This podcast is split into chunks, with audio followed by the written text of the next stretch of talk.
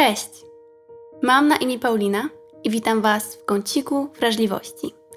W dzisiejszym odcinku podcastu opowiem o sytuacjach, gdy nasze granice nie są szanowane. A ze wspólnych rozmów na Instagramie wiem, że niektórym z Was zdarza się to całkiem często i jest to jednym z powodów, dla których tych granic nie wyznaczacie. U mnie było dokładnie tak samo. Wyznaczając granice też spotykałam się nie tyle z niezrozumieniem, ale wręcz z takim wyśmianiem, czasami obrażaniem, które podchodziło pod agresję słowną. I jak możecie się domyślać, całkowicie nie zachęcało mnie to do kontynuowania mojego wyznaczania granic. Wolałam się wtedy cofnąć, zamilknąć i pozwolić na, na to wszystko, czego nie chcę. A tak naprawdę nie było to konieczne i dziś opowiem, jak można zareagować na takie zachowanie, gdy nasze granice nie są szanowane. Więc plan na ten odcinek jest taki.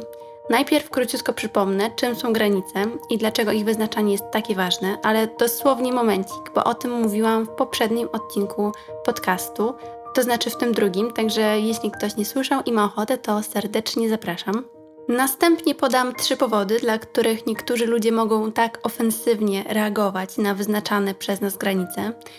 Dlaczego zdarza się, że te granice wyśmiewają, umyślnie łamią albo wywołują w nas poczucie winy. Jeśli doświadczacie takich reakcji, zdecydowanie rozpoznacie je w tym opisie. A na sam koniec podzielę się trzema wskazówkami, którymi ja się kieruję, gdy ktoś nie szanuje moich granic – i Wy być może odnajdziecie w nich taką, która również Wam pomoże. Ale zanim zaczniemy, chciałabym podzielić się z Wami niespodzianką. Na mojej stronie internetowej wysokowrażliwa.pl ruszyła wczoraj Biblioteka Darmowych Materiałów, czyli miejsce, w którym dzielę się plikami, które są takim czułym dodatkiem w mojej drodze do poznania i pokochania siebie. Są tam już wspierające tapety na telefon, bo podobno sprawdzamy telefon aż 58 razy dziennie, więc dla mnie taka wspierająca tapeta to jest po prostu konieczność. E, w bibliotece są też na przykład różne takie pliki, które można pobrać i wydrukować i potem uzupełnić, jak na przykład karta własnej wartości albo schemat komunikowania granic, o którym będziemy dzisiaj rozmawiać. I jeśli czujecie, że Wam również mogą przydać się takie materiały, możecie je pobrać i wykorzystać tak, by i Wam służyły. Link do biblioteki darmowych materiałów zostawiam Wam w opisie tego odcinka. A teraz już bez zbędnego przedłużania, zaczynajmy. Granice to coś, co psychologicznie oddziela nas od innych ludzi i zapewnia wolność decydowania o sobie i swoich zasobach. Granice oddzielają to, co moje od tego, co nie moje. To tak w wielkim skrócie. Granice wydzielają po prostu taką przestrzeń, której każdy z nas potrzebuje, by żyć w zgodzie ze sobą. Dzięki granicom nie pozwalamy na zaniedbywanie naszych potrzeb. Jesteśmy niezależni i nie nachodzimy na przestrzeń innych ludzi, nie narzucamy im tego, co nasze, naszych przekonań, naszego zdania, naszych opinii. A gdy te granice są zacierane, zgadzamy się na zachowania, które nie są dla nas komfortowe, i w drugą stronę możemy też wchodzić na czyjąś przestrzeń, odbierając emocjonalną, fizyczną lub duchową wolność drugiego człowieka i sprawiając, że ten drugi człowiek nie czuje się komfortowo. Więc granice są i dla nas, i dla innych. I to naprawdę warto zapamiętać. Wyznaczanie zdrowych granic jest fundamentalnym elementem budowania każdej relacji opartej na wzajemnym szacunku i na swobodzie bycia sobą.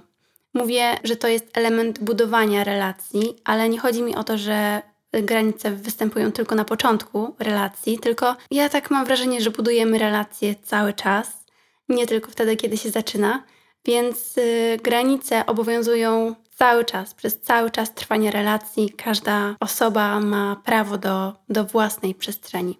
I gdy te granice nie działają tak, jak należy, wtedy jedna lub druga strona będzie czuła się w danej relacji źle.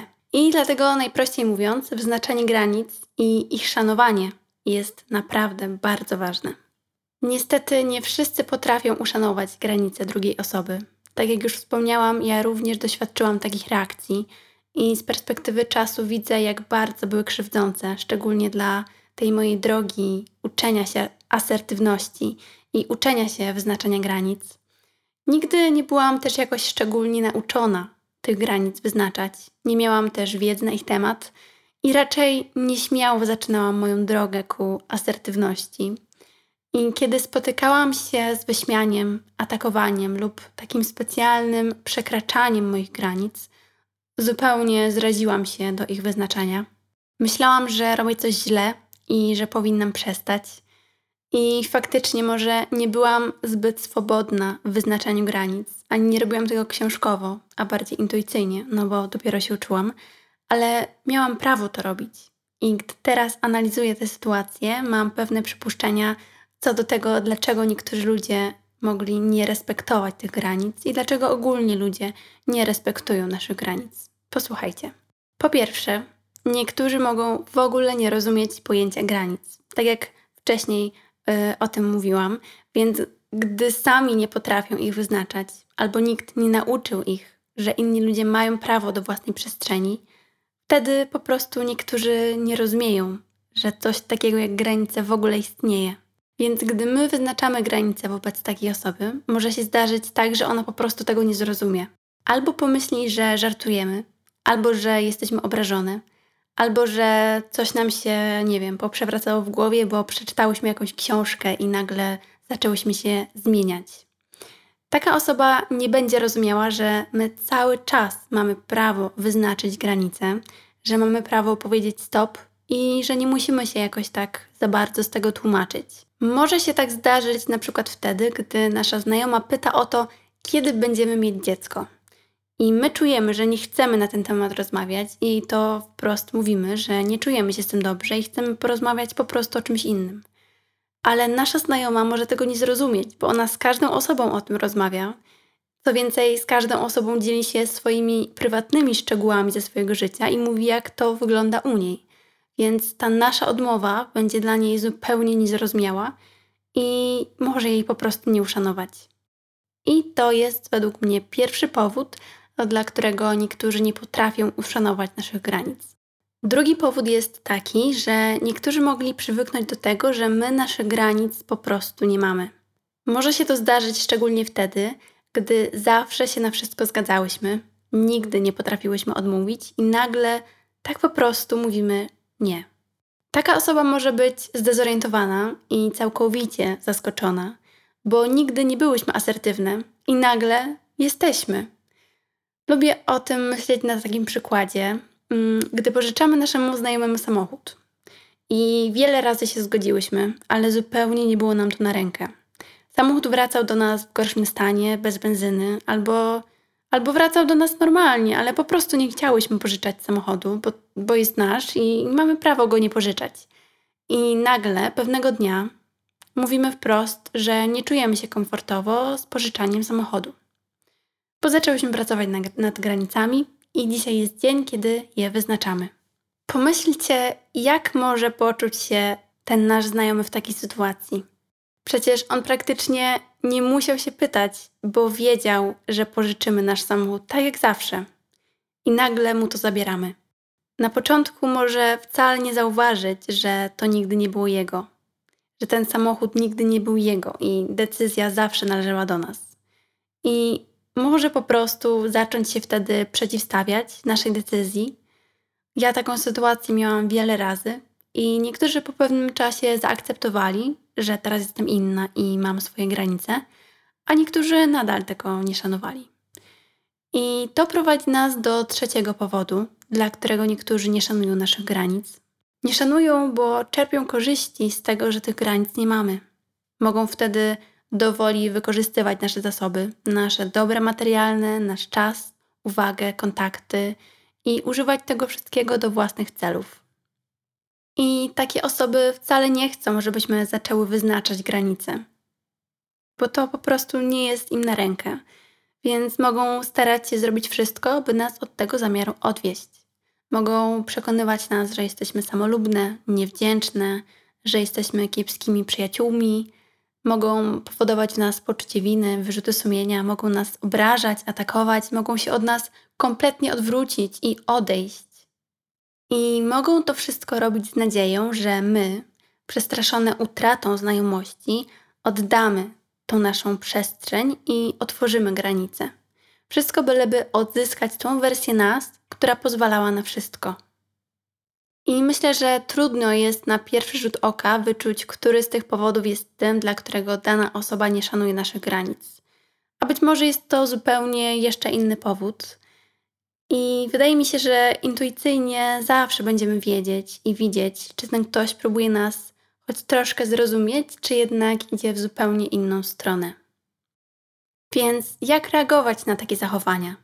Co robić, gdy druga osoba nie szanuje naszych granic? O tym z pewnością zadecydujecie same, a ja podzielę się teraz trzema wskazówkami, które ja stosuję. Może weźmiecie z nich coś dla siebie. Pierwsza wskazówka to zdecydowanie określ, czy dana granica rzeczywiście jest nienegocjowalna. Dlaczego o tym mówię? Bo po latach bez wyznaczania granic poszłam na pewien czas w drugą skrajność, czyli zbyt agresywne wyznaczanie granic. I w sytuacjach, które nie były dla mnie jakieś takie bardzo istotne, stawiałam twarde granice bez żadnych kompromisów. Oczywiście nie mówię tego, żeby wyrzucać sobie teraz to, że tak postąpiłam, bo taki był mój stan wiedzy na tamten czas, że zrobiłam najlepsze, co mogłam, a później wyciągnęłam lekcję i teraz robię już lepiej. I nawiasem mówiąc, zachęcam Was do takiego podejścia do swoich potknięć, ale o tym mówiłam już w pierwszym odcinku podcastu. W każdym razie, zbyt upierałam się przy mało istotnych granicach, byleby tylko je wyznaczać.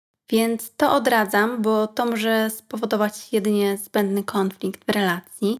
Ale gdy czujemy, że dana granica jest nienegocjowalna, czyli że jest dla nas ważna po prostu i że czujemy się bardzo źle, gdy ta granica zostaje przekroczona, to wtedy nie możemy dać się przekonać do jej otworzenia.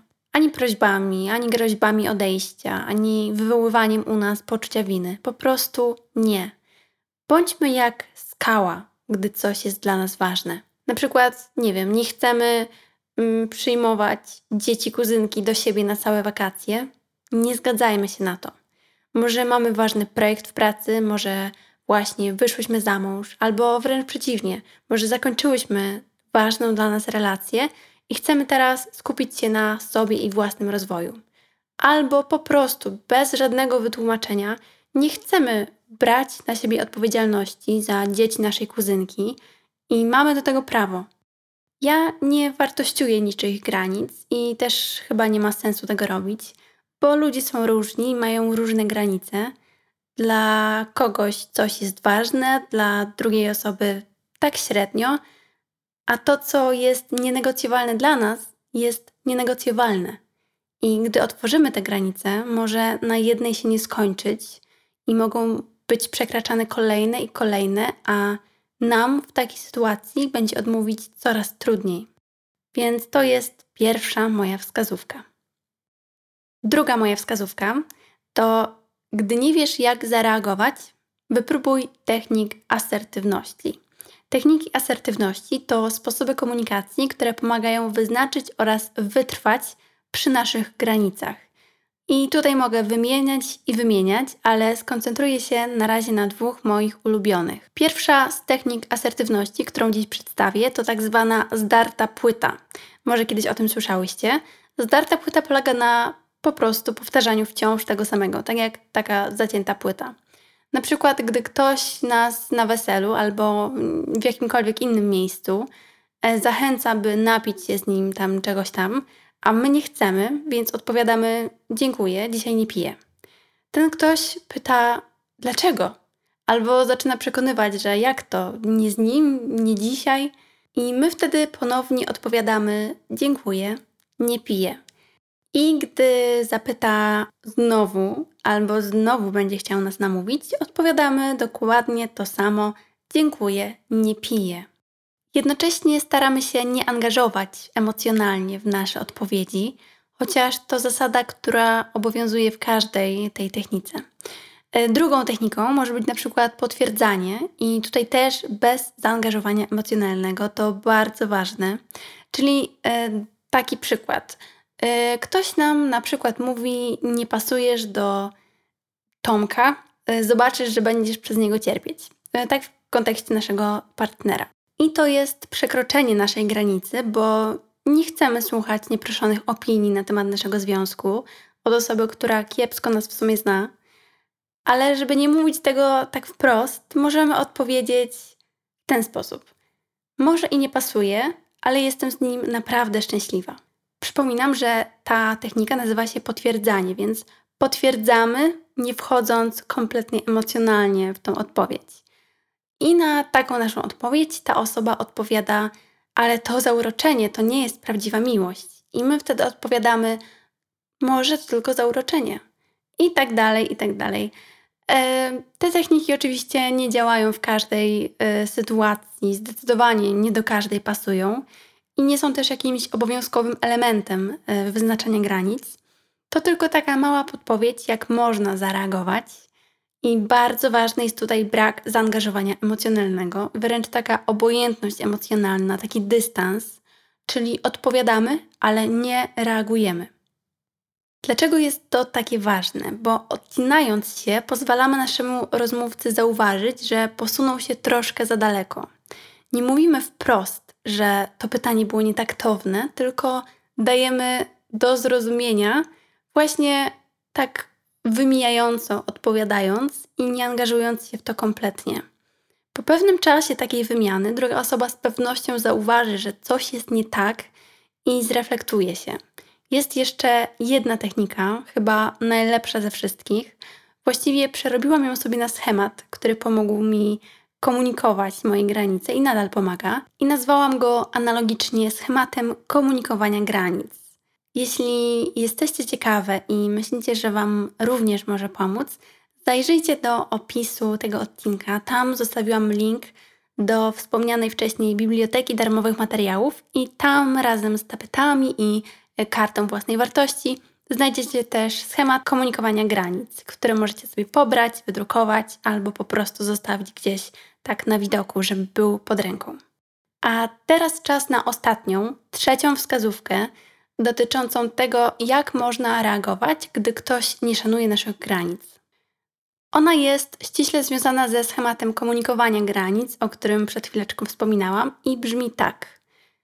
Nie daj się sprowokować do atakowania drugiej osoby, nawet jeśli ta osoba atakuje ciebie. To bardzo ważna zasada. E, sama nie wiem, czy taka prowokacja jest świadoma, czy nieświadoma. Zapewne może być i taka, i taka Mówi się, że najlepszą obroną jest atak, ale mam wrażenie, że nie w tym przypadku. I myślę, że z atakowania i obrzucania się nawzajem winą raczej nigdy nie wyszło nic oprócz kłótni. Dlatego ja proponuję odpowiadać zawsze spokojnie, a zamiast atakować, skupić swoją wypowiedź na naszych odczuciach i na tym, czego my potrzebujemy. I na przykład, zamiast mówić, że jesteś męczący, daj mi spokój. E, możemy powiedzieć, czuję, że moja równowaga została zachwiana i potrzebuję pobyć przez kilka dni sama ze sobą, swoimi myślami i bardzo cenię zarówno czas razem, jak i czas osobno. To są komunikaty zupełnie różne, ale komunikują naszą granicę taką samą, czyli tą granicę mm, takiej przestrzeni emocjonalnej i fizycznej. Tylko ten pierwszy komunikat jest skoncentrowany na ty, że ty coś źle robisz, ty jesteś męczący, a drugi jest skoncentrowany na naszych odczuciach i na tym, czego my potrzebujemy.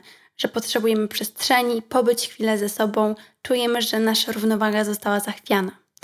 I oczywiście, jeśli druga osoba będzie ten nasz komunikat, ten drugi, przesadnie analizować, może dojść do wniosku, że w sumie powiedziałyśmy to samo, co za tym pierwszym agresywnym razem ale oczywiście powiedziałyśmy zupełnie coś innego.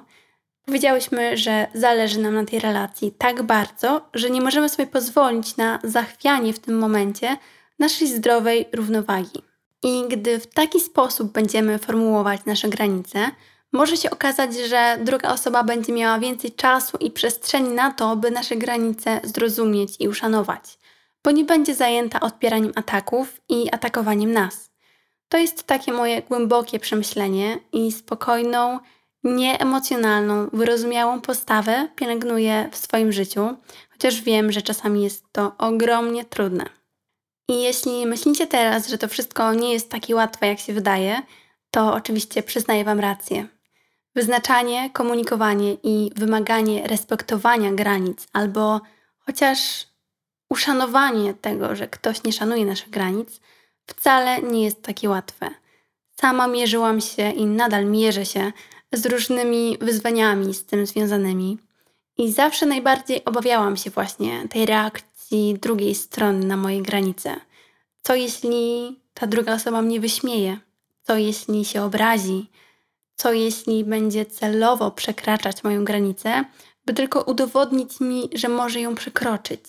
Takie myśli pojawiały się w głowie. Czasami się pojawiają jeszcze, ale już rzadziej.